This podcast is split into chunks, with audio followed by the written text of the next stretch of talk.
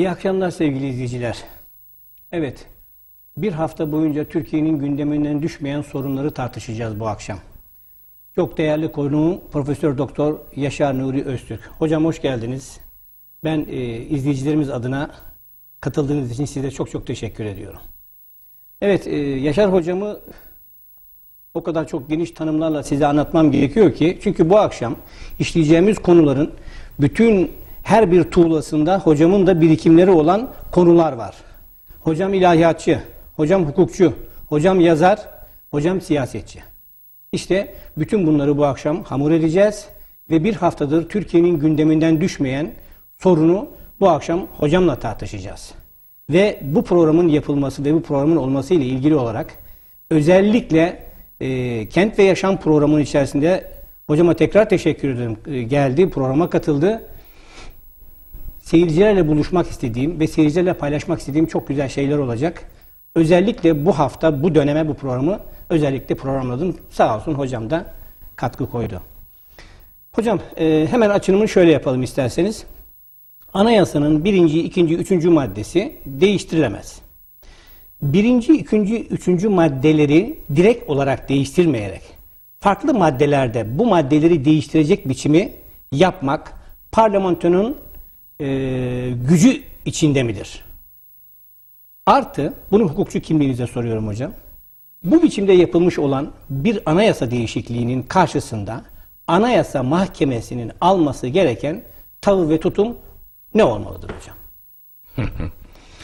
Şimdi alması gereken tavrı ben mi söyleyeceğim? Hocam siz söyleyeceksiniz. Böyle bir şey söylemem. O kadar birikiminiz var. Böyle bir şey söylemem mümkün değil. Bu bir defa e, yani açık söyleyeyim bu e,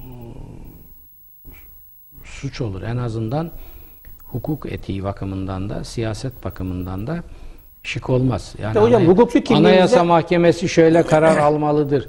Bunu Sayın Recep Tayyip Erdoğan söylüyor. Bu böyle biline e, mahkemeyi paylıyor, yüksek mahkemeleri. Evet, Siz evet, ne evet. bilirsiniz? Bunu ulema bilir. Bırak buna diyanet karar versin filan. Ben böyle e, düşüşler yapmam. E, hem işin edebini bilirim, hem yaşadığımız coğrafyanın bağlı olduğu kanunları, hukuk sistemini bilirim. Burası bir hukuk devleti. İkincisi de e, ben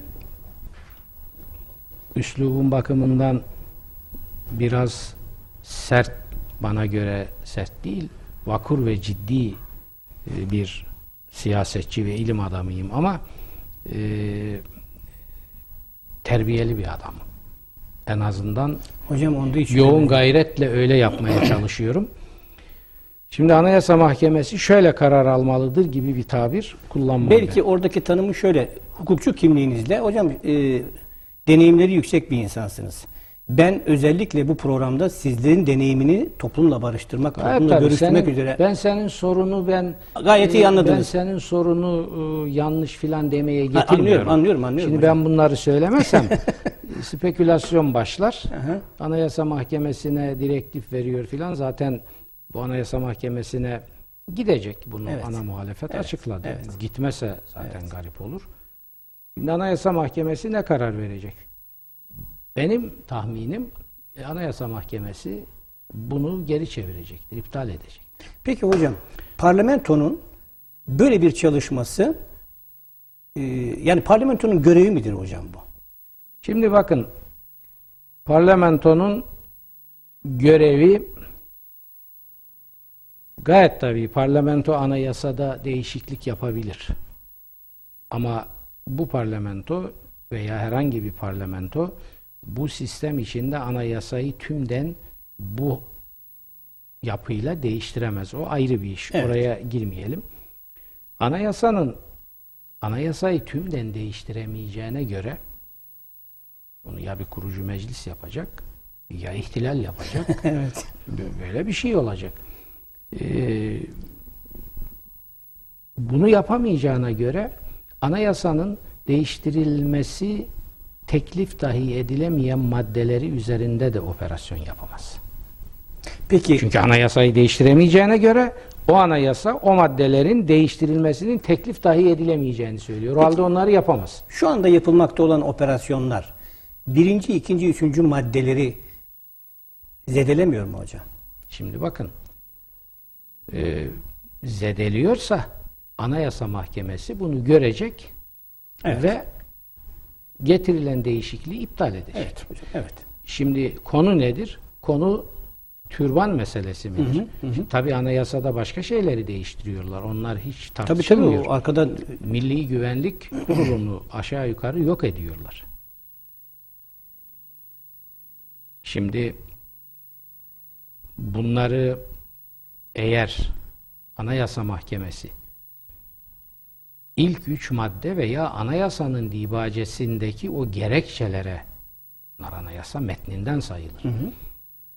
Aykırı bulursa mesela türbanla ilgili değişmeyi anayasanın ikinci maddesindeki laiklik ilkesiyle irtibatlandırırsa ki 89 ve 91'de verdiği kararlarda irtibatlandırmıştır. Evet. Bazıları 10 yıl geçti. Onlar yorumdu, yorum falan değil. Şimdi ikinci maddeyle irtibatlandırdı mı yorumu falan filan yok onun. Evet. O zaman e, hiç tartışma yok ki iptal eder bunu. İse ise ise biz şimdi Anayasa Mahkemesi'ne bu sıkıntının çözümü sadedinde millet bir şeyler beklerken çözüm bekleyen meseleyi kör düğüme dönüştürdü ve ve ne yaptılar biliyor musunuz? Pudra ve merhemle tedavi edilmesi mümkün bir yarayı enfekte ettiler Evet. ve kangrene dönüştürdüler. Şimdi böyle bir hasat geliyor arkadan. Çok doğru bir ifade hocam. Bu hiç iyi olmaz. Bunun ben onların yerinde olsam bu uyarılardan sonra Anayasa Mahkemesi'ne falan bırakmadan bu işi geri çekerim diyemiyorum daha çünkü çıktı. Oylandı çıktı. Hocam Hasat. şimdi e, bu Türkiye'de yapılanların e, tabii bir benzeri diyemeyeceğim ama toplumumuz maalesef kandırılıyor. Şimdi e, ben yönetmen arkadaşıma rica edeceğim. Ankara'dan Meltem Vural Hanım'ı canlı yayına bağlamalarını isteyeceğim. Meltem Vural Hanım 1981 ile 83 yılları arasında İran'da Hümeyni rejiminin oluşturulduğu dönemde e, eşi İranlı diş hekimiymiş. İran'da, İran'ın değişik bölgelerinde yaşamış bir e, Türkiye Cumhuriyeti vatandaşı. Ve tam o sırada Irak'la olan savaşı nedeniyle eşi askere alınmış ve ailesiyle birlikte İran'ın her bölgesinde yaşamış. Hümeyni rejimini ve oradaki uygulanan İslami anlayışı birebir yaşamış. Ve şimdi e, onun e, internet sitesinden e, aldığım yazısıyla ulaştım e, Sayın Meltem Hanım'a. E, tabii bu konuda bir fil yaşamış olması e, nedeniyle e, onu da özellikle bu akşam canlı yayına bağlayıp onun da bu konudaki kısacık görüşlerini alıp belki Neyi, size, neyi bil fiil yaşamış? e, Hümeyni rejimi e, dönemindeki Yani şimdi o konuşacak tabii ben o senin kararına bağlı. Ben de değerlendirmemi yaparım ama evet memnun olurum. şimdi burada bir şey aklıma takılıyor. Evet. Habire birileri işte Türkiye bu gidişle İran olur falan filan. E, hocam şimdi tabii e, yani Bir bunu dakika bir- bir bitireyim. Öyle. buyurun hocam. Türkiye İran olur. Tabii İran İran da benim kitaplarımı tercüme edip okumaya başladı. O ayrı bir ona saygı duyuyorum. Ama Molla rejiminin de İslam olmadığını dünyaya bağırıp söyleyenlerden biriyim ben. Bu işin din açısından tetkik. Molla rejimi Muaviye ve Arabizme karşıyım dedi. Ben Ehli Beyt'in e, İslam'ını o laf İran'daki Molla rejiminin bütün icraatı Muaviye icraatıdır. Siyaseti dünyanın önünde böyle oynadılar. Onun için benim o manada onlarla hiçbir ünsiyetim olmaz. Ayrı. Ama şimdi başka bir iş var. İşte Türkiye İran olur bilmem ne. Bir defa İran hak hakka saygı duyalım. Bakın İran'la ilgili ben eleştirilerimi, kaygılarımı söyledim. Evet. İran, Hümeyni, benzerleri bunlar katılırsın, katılmasın. Bunlar davalarında söylem ve sloganlarında samimi adamlardır. Hümeyni inandığını yapan, öyle inanan bir adamdır. Ve mesela efendim nereden biliyorsun? Biliyorum. Çünkü Hümeyni İslam düşmanlarıyla işbirliği yapmadı. Haçlı'yla işbirliği yapmadı. Amerika ile yapmadı. Brüksel'le yapmadı. Hiçbiriyle yapmadı. İngiliz'le hiç yapmadı. İsrail'le yapmadı. Ha kendi içinde hatası ayrı bir dava. Bu din bin küsür seneden beri Allah'ın sıfatlarını, imanın şartlarını tartışmıştır. Ve hiç kimse bunlar nasıl tartışılır? Sen imanın şartlarını tartışırsın, dinden çık. Böyle bir şey yok. Bunlar şimdiki düşüklerin, şimdiki bozukların ve cehalete yenik düşmüş adamların e, saldırılarıdır. Bu papaz efendim e, salvo ve aforozculuğu İslam'ın esasında yok, geçmişinde yok. Bunlar yapılmış. Ama bir adam eğer İslam'ın düşmanlarıyla İslam'ı temsil etme yaftası altında işbirliği yapıyorsa işte zalim ve namert olan o adamdır.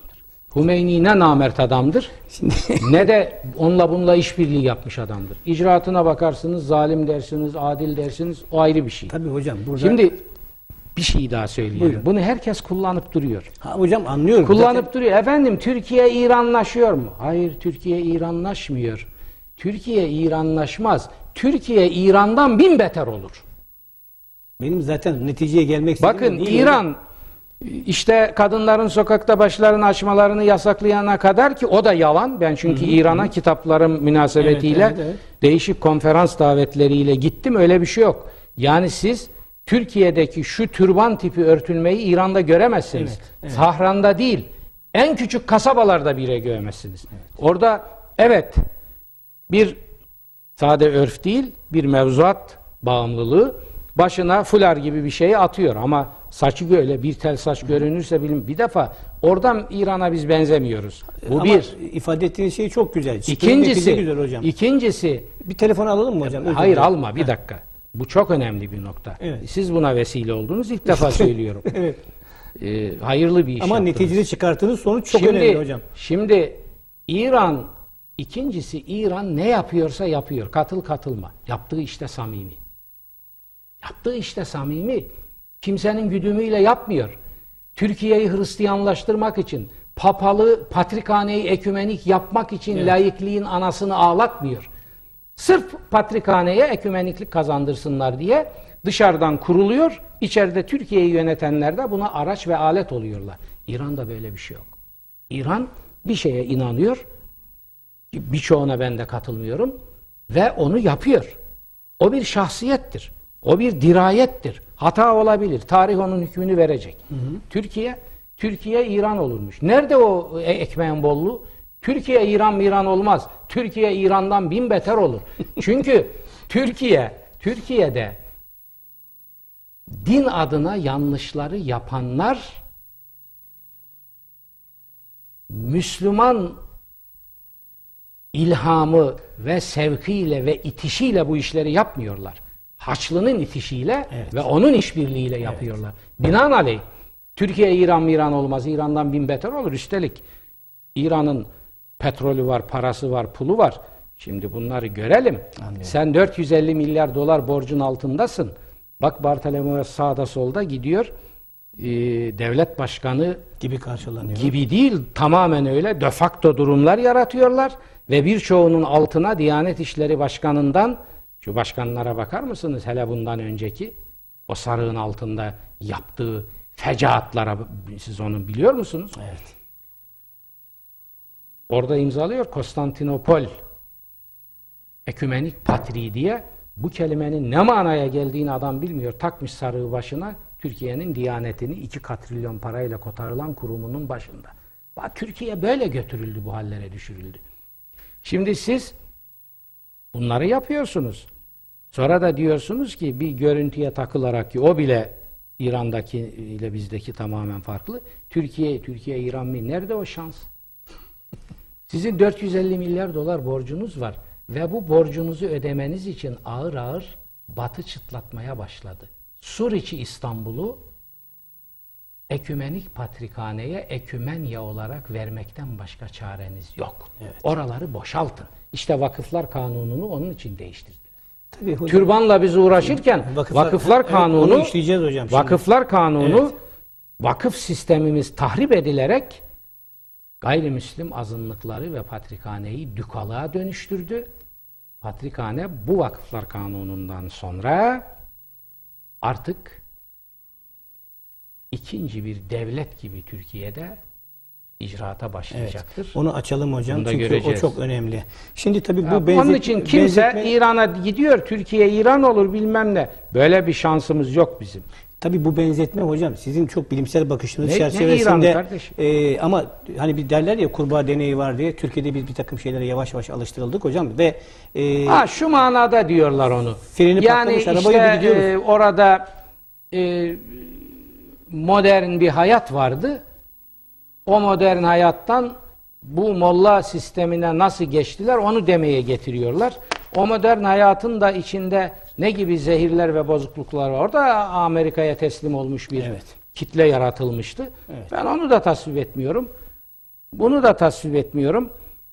Bütün bunların bakın hem Haçlı'ya teslim olmadan hem İslam'ın hurafesine bulaşmadan İslam'ın gerçeğini ama Haçlı'ya da teslimiyetin uzağında bunu yapan İslam tarihinde ve İslam dünyasında bir tane adam var.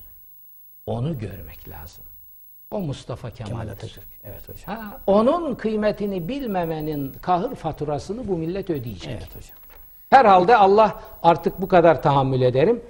Şimdi belanızı bulun. Size ben böyle bir nimet gönderdim. Bunun kıymetini bilmediniz. Herhalde oraya geldi artık. Başka diyecek bir şey yok. Evet. Peki e, eğer telefon bağlantımız e, açıksa Meltem Hanım'la bir görüşelim. Alo. Alo. Aa, İyi akşamlar. Ha, İyi akşamlar Meltem Hanım. Ee, e, Meltem Ee, Hanım, e, şimdi e, tabii sizinle e, daha önceki yapmış olduğum telefon konuşmasında Evet. sizin metni aldığınız çok güzel bir e, yazı vardı. Bunun e, son bölümü gerçekten şu anda Türkiye'nin net fotoğrafını veren bir metindi. Ben kısaca bu metni sizden alayım. Bunun e, metni kaleme döken direkt e, ilk ağızdan alayım istedim. Lütfen e, bizle paylaşır mısınız? Tabii memnuniyetle. Yalnız metni paylaşmadan evvel e, Sayın Hocam Yaşar Nuri Öztürk'ü e, saygıyla selamlıyorum. Sözlerini dikkat Sağ olun ben de size saygı sunarım. Sağ olun, estağfurullah. 81-83 yılları arasında bulunduğumu söylemiştim. Hocam hangi yıllarda İran'da bulundu bilemiyorum ama... Hayır ben e, 90 e, ben 2000'den sonra zaten iki defa gittim davet edildim. Evet, ö- öyle olduğunu anladım hocam Evet. görüşme konuşmalarınızdan. Çünkü e, Hümeyni hiç kimseyle e, Haçlı'yla ve diğerleriyle işbirliği yapmadı derken Hümeyni daha beterini yaptı. Ateist olan İran Komünist Partisi'nin çok yüksek desteğiyle ve kadınların desteğiyle Memleketinin içinde ama dışarıyla işbirliği her yapmadı. şey evet kendi ülkesinin Evet. içinde Kendi her şey hazırlandı evet. kendisine. Şah indirildi. Kendisi geldi Şah'ın koltuğuna İran Komünist Partisi'nin ve kadınların desteğiyle milyonlar milyonlar e, meydanlara dökülerek geldi ve geldiği gün e, tabii ki onu getirdikleri zaman veya o İran'a şeyin önüne geçtiği, Türkiye'nin kaderine hükmetmeye başladığı bir dünyada siyaset de tabii ki kendini toparlayamaz. Siyaset bu alçaklığın aldatmasından nasıl kendini kurtarsın? Siyasete uyarı gelmiyor. Siyasete eleştiri gelmiyor. Siyasete iyi niyetle bir ya arkadaş bir dakika diyen kimse yok. Ya menfaati için sonuna kadar efendim e, ilahlaştırıyor yahut yine menfaati için hiçbir kayıt ve şart tanımadan çiğneyip geçiyor, düşman ittihaz ediyor. Suç, suç Türkiye'de aydın geçinen ve bunların kümelendiği basın denen ve bunların ortaklığı, beraberliği olduğu iş veya servet camiası denen eskilerin tabiriyle ağniya ve ulema, aydınlar anlamındadır o. İş, servet sahipleri ve aydınlar. Üçüncü ümeradır, siyasettir. Aydın'la servet erbabı bu çukura düştü mü oradan kotarılan siyaset bundan başka bir şey yok. Evet. Şimdi tabii anlatımlarınız sorulan soruların gerçekten cevabını veriyor. Ama şunu da kabul etmek Ben lazım. hocam. sorulması so- gereken soruların cevabını veriyorum. Evet. Sizin sorduklarınızın da cevabını veriyorum. Ama sorulması gereken soruları biri sormazsa ben sorar cevabını veririm. evet. Bunu beğenmiyorsa Türkiye beni aramayacak, sormayacak, konuşturmayacak. Ben kendi köşemde ne yapar yaparım. Bakkal Hocam- dükkanımı açarım. Keçi koyun mu beklerim, tavuk mu e, efendim beslerim, çiftçilik mi yapar, ne yapar yaparım. O kimseyi ilgilendirmez. Hocam Ama siz 50-60 yıl çektiğiniz acılarla ilgili soruları soran ve cevaplayan insanları basit menfaatleriniz için etkisiz kılmak, devre dışı tutmayı bir meziyet telakki ederseniz sizin Allah'tan ve tarihten hayır ve mutluluk beklemek gibi bir hakkınız olamaz. Evet, buyurun. Şimdi hocam Türkiye sizi yıllarca ekranda otantik İslam'ı anlatan. İslam'ın güzelliğini anlatan, dinimizi anlatan bir şahıs olarak Keşke anlatmasaydım. yapmayın hocam. Kendimi evet kendimi e, azarlıyorum. Yazık olmuş benim emeklerime, tük- tükettiğim nefese. Şimdi e, bugünkü bütün Evet. e, bu fırtınaların en ücra kasabalarda beyefendi dernek odalarında çekyatlarda yatarak ve bir delik kuruş bu milletten verdiğim konferanslar karşılığı almayarak yurt dışı ayrı. evet, evet. Orada aldıklarım olmuştur. Bu, bu ülkenin içinde. Yani istemek şöyle dursun. Verileni almamışım. Bu şekilde 20 sene. ama hocam yani e, bu 20 senenin He. Türk toplumuna çok şey kazandırdığına ben inanıyorum. Hiçbir şey kazandırmamış. Yapmayın hocam Yok. lütfen. E, bugünkü Samimi geldiğimiz e, bugünkü geldiğimiz İdareyi kelam etmeyelim. Ayıp. Ben kendime saygımı yitirmek istemiyorum. Hayır ama hocam Hiçbir işe yaramamış.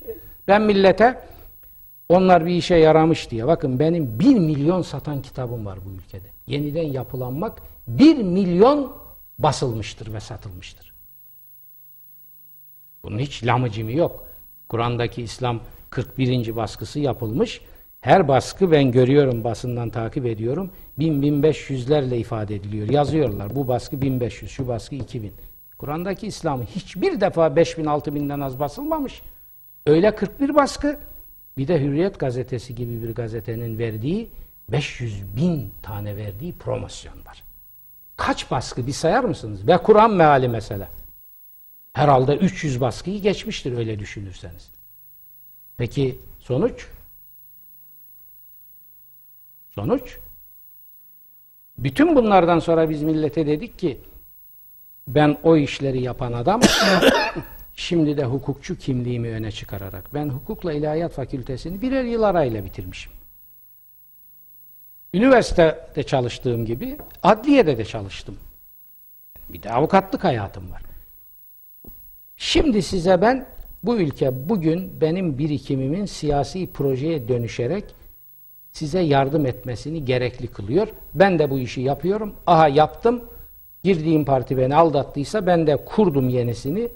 Getirdim, teşkilatlarını bitirdim. 81 ilde seçime soktum, sandığa koydum.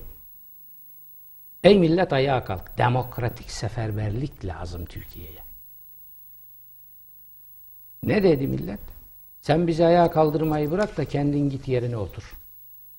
hocam İşte e, e, böyle karamsar bakmanızı ben- Karamsar niye olayım can? Benim Allah'a imanım var. Ne karamsar? Allah varken ben ne ümitsiz olurum ne karamsar. Sen beni kullarla münasebetlerime bakarak değerlendirme. Ben benim gönlüm gökler kadar aydınlık ve mutlu. Benim hiç öyle bir şeyim Şimdi e, Allah'a şükürler olsun. Ee, Bakın ben bunu tekrar ediyorum. Bir Kur'an mümini insanın yamukluklarına ve namertliklerine bakarak ne ümitsiz olur ne mutsuz olur. Ben Kur'an mümini bir adamım. Bunu iftiharla söylüyorum. Öyle bir terbiyeden, öyle bir aileden geldim. Bu benim bu benim mutluluğumun zaten esası. Onun için kimse bu, bu- böyle laflar etmeyin. Bu doğru değil. Peki hocam şimdi e, Evet. konuyu genel bir toparlayacak olursak öncelikle şu duyuruyu da buradan bir kez daha yapmak istiyorum. 9 Şubat Cumartesi günü Ankara'da büyük bir miting düzenlenecek. İnanıyorum ki bu mitinge siz de katkılarını koyacaksınız. Bilmiyorum onu e, bakacağız. E, O öbürlere katlılarını koyduk. Sonunda Deniz Baykal telvis etti onları, berbat etti. Ve ondan beklenen sonuç da çıkmadı. Ama hocam e, bu ülke bir yere gidiyor hocam. Siz anlatıyorsunuz şimdi çok güzel ifadelerle. Hatta açıkça ifade edeyim sizin söylem biçiminizde e, yani e, tahminimin çok ötesinde hırpalayıcı ve şey gördüm. Açıkçası e, Hayır. çok iyi vurguladınız. Ben siyasette devam ediyorsam bir, ümidim bitmemiş demek. İki, millete kırgın ve küskün değilim demek. Ama müsaade edin de demin eleştirdiğim aydın yaftalı karanlıkların durumuna düşmeyeyim. Söyleyeyim milleti uyarayım, hakikati söyleyeyim. Türk siyasetinin alıştığı yalakalığı, ruhsuzluğu, ufuksuzluğu, dal kavukluğu benden beklemeyin. Yani ben bunu yapmam. Evet. Gerekeni söyleyeceğiz. Söyleyeceğiz ki millet uyansın. Yarın peki iş sarpa sardığı zaman gelip de bana bırakın milleti. Benim çocuklarım, torunlarım yarın gelip bana sen Allah'tan korkmadın, utanmadın mı? Bize gerçeği söylemedin, sakladın. Lafı eveledin, geveledin, bizi aldattın. Gerekli olanı biz de yapamadık. Yattık sırt üstü, uzandık falan. Derse ben ne yapacağım? Evet. Ben dünyada bin yıl yaşayacak değilim ki ona buna e, efendim şirin görünerek bu bin yılımı keyifli yaşayayım.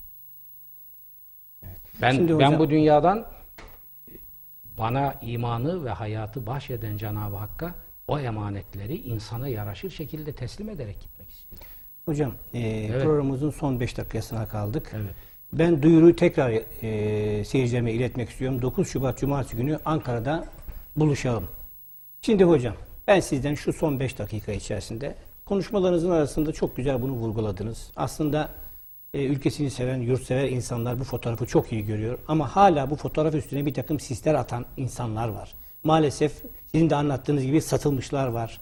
Atatürk'ün gençliğe tabi söylediği gibi dahili ve harici bedbahtlar var. Türkiye'nin satılmış demedim. Ben diyeceğimi dedim ama öyle yorumluyorsanız hiçbir itirazım yok. Evet. Ben de o kadar söyleyeyim. Hiçbir itirazım gayet tabii. Evet. Peki. e, Türkiye'nin bir fotoğrafını çizer misiniz hocam? Türkiye'nin Nereye gidiyoruz? Türkiye'nin fotoğrafını 450 milyar dolar borcu unutmadan çizeceğiz. Evet. 450 Bir milyar numaralı mesele bu. o. Evet. hocam. İki numaralı mesele Türk parlamentosundaki üyelerin dokunulmazlık şemsiyesinin altında işi götürmeleri. O şemsiyenin altından çıkmaları lazım. Evet. Bunlar yerinde dururken hele bir de biz böyle e, giymekle, kıyafetle, milimetrik, çenenin altı, yan, kulağının orası falan buradan bağlarsa kıyamet mi kopuyor? Veya oradan bağlasa ne olacak? Bakın. Şimdi bu, bu dümbüllü edebiyatıyla bu milleti meşgul ettiklerine göre Türkiye felakete gidiyor demektir. Evet. Türkiye'yi Bu bir karşı devrim midir hocam? 60 yıldan beri el birliğiyle buraya hazırladılar. Şimdi Evet. ben son hadiseleri değerlendirme sadedinde ayrıca şu anda yoğun gece gündüz bitirmeye çalıştığım Türk Kurtuluş Savaşı ve Türk Devrimi'nin Kur'ani dayanakları kitabım veya diğer adıyla e, İslam ve Atatürk mirasının anti emperyalist karakteri. Evet. Bunun için e, işte son bir takım rötuşlarla ilgili bazı yine e, tetkikler yapıyorum. Bu 60 yıldır e, bu böyle geldi. Sorulması gereken sorular sorulmadı. Ehliyetten şikayetçi olundu. Ve Türkiye'nin dışarıdan yönetilmeye doğru gittiğini görmezlikten geldiler ve bu borçlar sürekli arttı. Avrupa Birliği masalı ve havucuyla millet aldatıldı. İstenen her şey alındı ve gümrük birliği imzalandı. Evet. Düğün-ü umumiyeye geri döndük beyefendi. Şimdi Türkiye adı konmamış bir kurtuluş savaşı veriyor. Bu bu bizim değil dünyada Amerika'dan beri birçok e, strateji uzmanının ifade ettiği bir gerçektir. Türkiye 1919'un 20'nin şartları içinde. Şimdi bu badirenin içinden nasıl çıkacaksınız? Türkiye'nin görevimiz tehlike stüdyosu içinde ki gündemiyle çıkamazsınız. O stüdyonun dışına çıkıp Türkiye'nin gerçek gündemini yakalamanız lazım. Gerçek gündem işte 450 milyar dolar borç. Gerçek gündem. Sizin ürettiğiniz gayri safi milli hasılanız dış ticaret açığınızı kapatmıyor. Cari işlem açığınız tarihimizin rekorunu da ikiye üçe katlamış. Dış ticaret açığı öyle. Ziraat, ziraat bitmiş. Tarım çökmüş. Tarım çökmüş. Şimdi Türkiye borcu faizlerini ödeyemiyor. O faizleri ödemek için yeni borçlara giriyor. Bunu neyle kapatacak Türkiye? Türkiye ya bir seferberlikle bunu kapatacaktır. O seferberliği bize sorarsa bu millet biz söyleyeceğiz. Biz o seferberliği aşacağız. Belki de öyle dediğimiz için bize vekalet vermedi. Çünkü ayaklarını uzatmış keyif yapıyor. Kalk dediğin zaman ya bu da nereden çıktı diyor ya. Deli mi nedir bu adam? Şurada bir keyif yapıyoruz. Yap kardeşim keyfi. Çocukların lanet okuyacak sana yarın. Tarih de lanet okuyacak. Allah da lanet edecek. Bunu göreceksiniz. Yatın. Şimdi iki ayda, üç ayda bir dışarı gitsin, aldıkları talimatlarla gelsin Türkiye'de senin kaderini bu şekilde götürsünler. Yarın o 500 milyar dolara o borç çıktı, satacak bir şey kalmamıştır. Bakın bankacılığı Türkiye'de tamamen elde ettiler. Sigortaya yö- yöneldiler. Şimdi sigorta alanını ele geçiriyorlar. Başka zaten bir şey kalmadı. Evet. Peki neyle kapatacaksın bunu? Neyle kapatacaksın? Bazıları diyor ki, Topkapı'daki işte emanetleri, e, oradaki hazineleri, şunları bunları oraya onları kabul etmezler. Onlarla kapatamazsın bu işi. O borçları onlar almak için yaptırmadılar bize. Suriçi İstanbul'u istiyorlar. Bizans kuracaklar burada. Şimdi bu borçlarla Türkiye'nin gittiği yer buradır. Bob hapishanesi dediğim İkbal'den ilham alarak camilere girenlerin vicdanlarına buradan hitap ediyorum. Evet. Gidilen yer buradır. Ona göre alınlarını secdeye koysunlar. Ona göre. Oraya gittiği zaman Türkiye o secdeler de onlara lanet edecek. Hiç kimse Allah'la başa çıkamaz. Evet hocam. Evet. Şimdi e, Şimdi sevgili Türkiye'nin gittiği yer bura. İzleyicilerimizden o kadar çok mesaj geldi.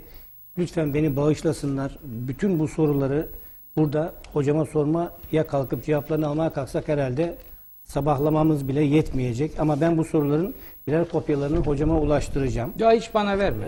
Ya, okumayacağım. Okumam. hiç. Ya benim vaktim yok onlarla uğraşmaya. Ee, sevgili izleyiciler, e, Yaşar Nuri hocamı konuk aldık. Yaşar Nuri hocamla... Pişman mı oldun aldığını? Estağfurullah hocam. Ben e, hatta bu programı yaparken programın elektrikli ve hareketli geçeceğini biliyordum. Aa. bir, bir şey anlatayım biraz fıkramsı. Ee, bir büyük toplantı. Hadi söyleyeyim. Birinci Diyanet Şurası Ankara'da. Evet.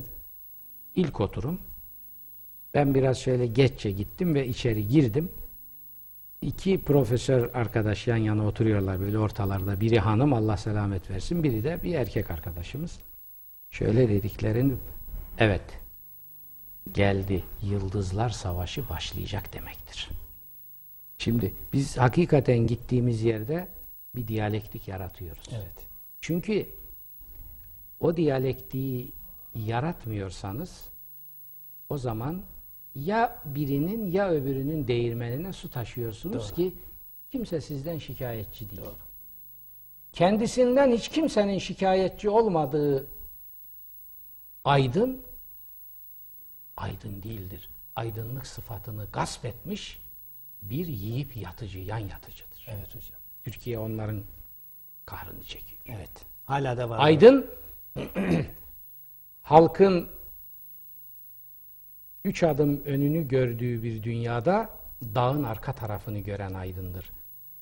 Türk aydınlanmasının hatta İslam Türk aydınlanmasının öncüsü olarak kabul ettiğim Büyük Atatürk diyor ki ufukları görmek bize yetmez. Ufukların ötesini göreceğiz. Bakar mısınız? Bakar mısınız? Şimdi ben ufukları bırakın onu Atatürk söyler. Ben o kadarını söyleyemiyorum. Dağın öbür tarafı diyorum. Dağın öbür tarafını da göremiyorsa aydın. Üç adım önünü gören adama ne anlatacak? Ha görüp de söylemiyorsa o zaman zaten alçaktır. Büyük Mevlana diyor ki göz var iki adım önünü zor görür. Göz var arşın ötesini görür. Göz.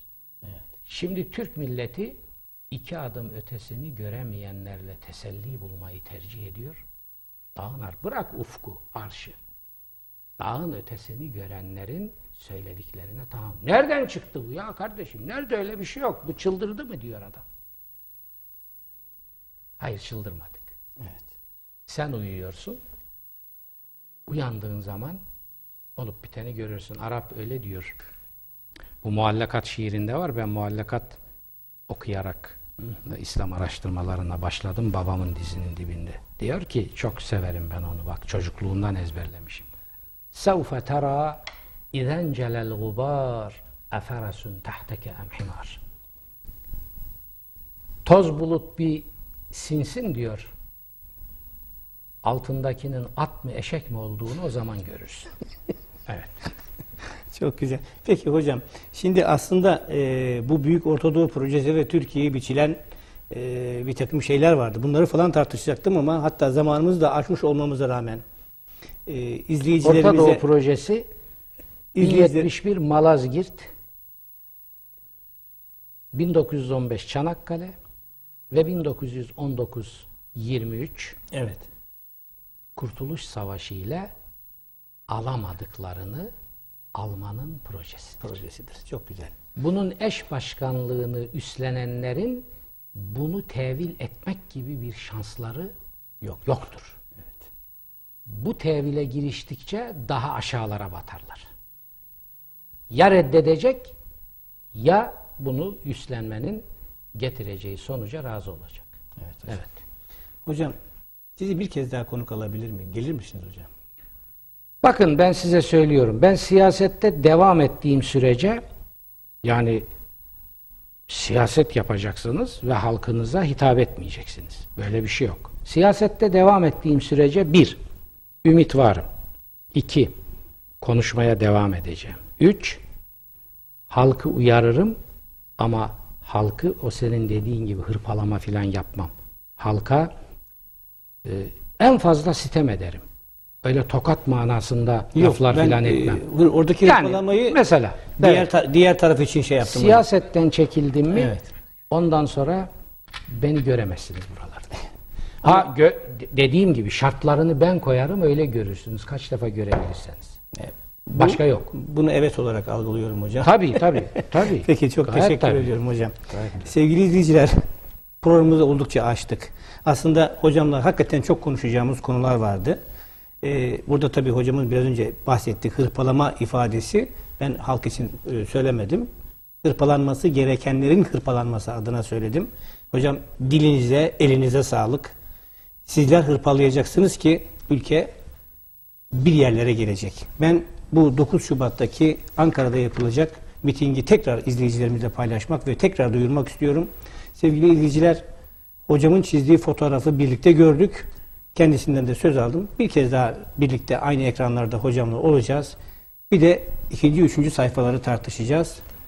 Hepinize iyi akşamlar diliyorum ve tekrar tekrar hocama teşekkür ediyorum.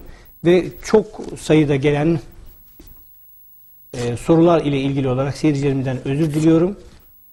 Ama hocamın çok anlattıkları, buradaki anlattıkları bunların her birinin tek tek cevabı olduğuna da inanıyorum. Hepinize iyi akşamlar efendim.